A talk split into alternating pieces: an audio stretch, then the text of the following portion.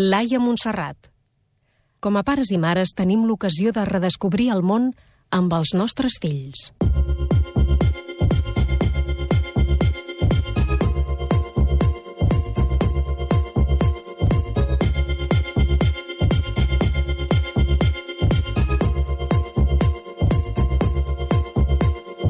Soc Rafael Vizquerra, director del postgrau en Educació Emocional i Benestar de la Universitat de Barcelona. La impaciència és una emoció, produeix una inquietud neurofisiològica o expressem en la cara, tenim consciència de la impaciència i tot plegat predisposa a actuar d'alguna forma.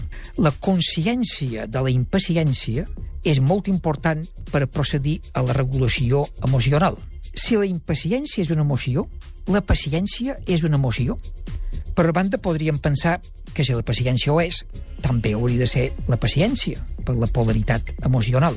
Però al mateix temps veiem que hi ha unes diferències importants entre paciència i impaciència. La impaciència ens ve donada de sèrie. No cal anar a escola. No cal fer esforços per posar-se impacient. No cal insistir-hi gaire.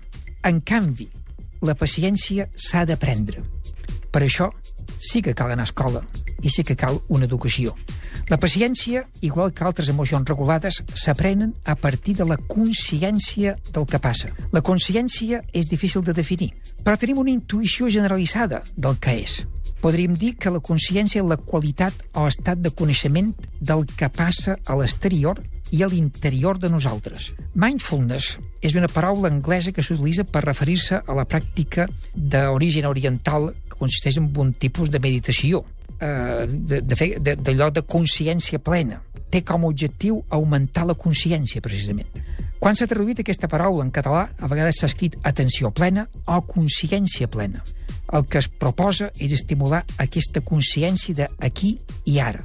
Investigacions en el camp de la neurociència han posat de manifest que és una pràctica altament favorable que té repercussions positives en diversos aspectes com augmentar la capacitat de prestar atenció o augmentar les defenses del sistema immunitari.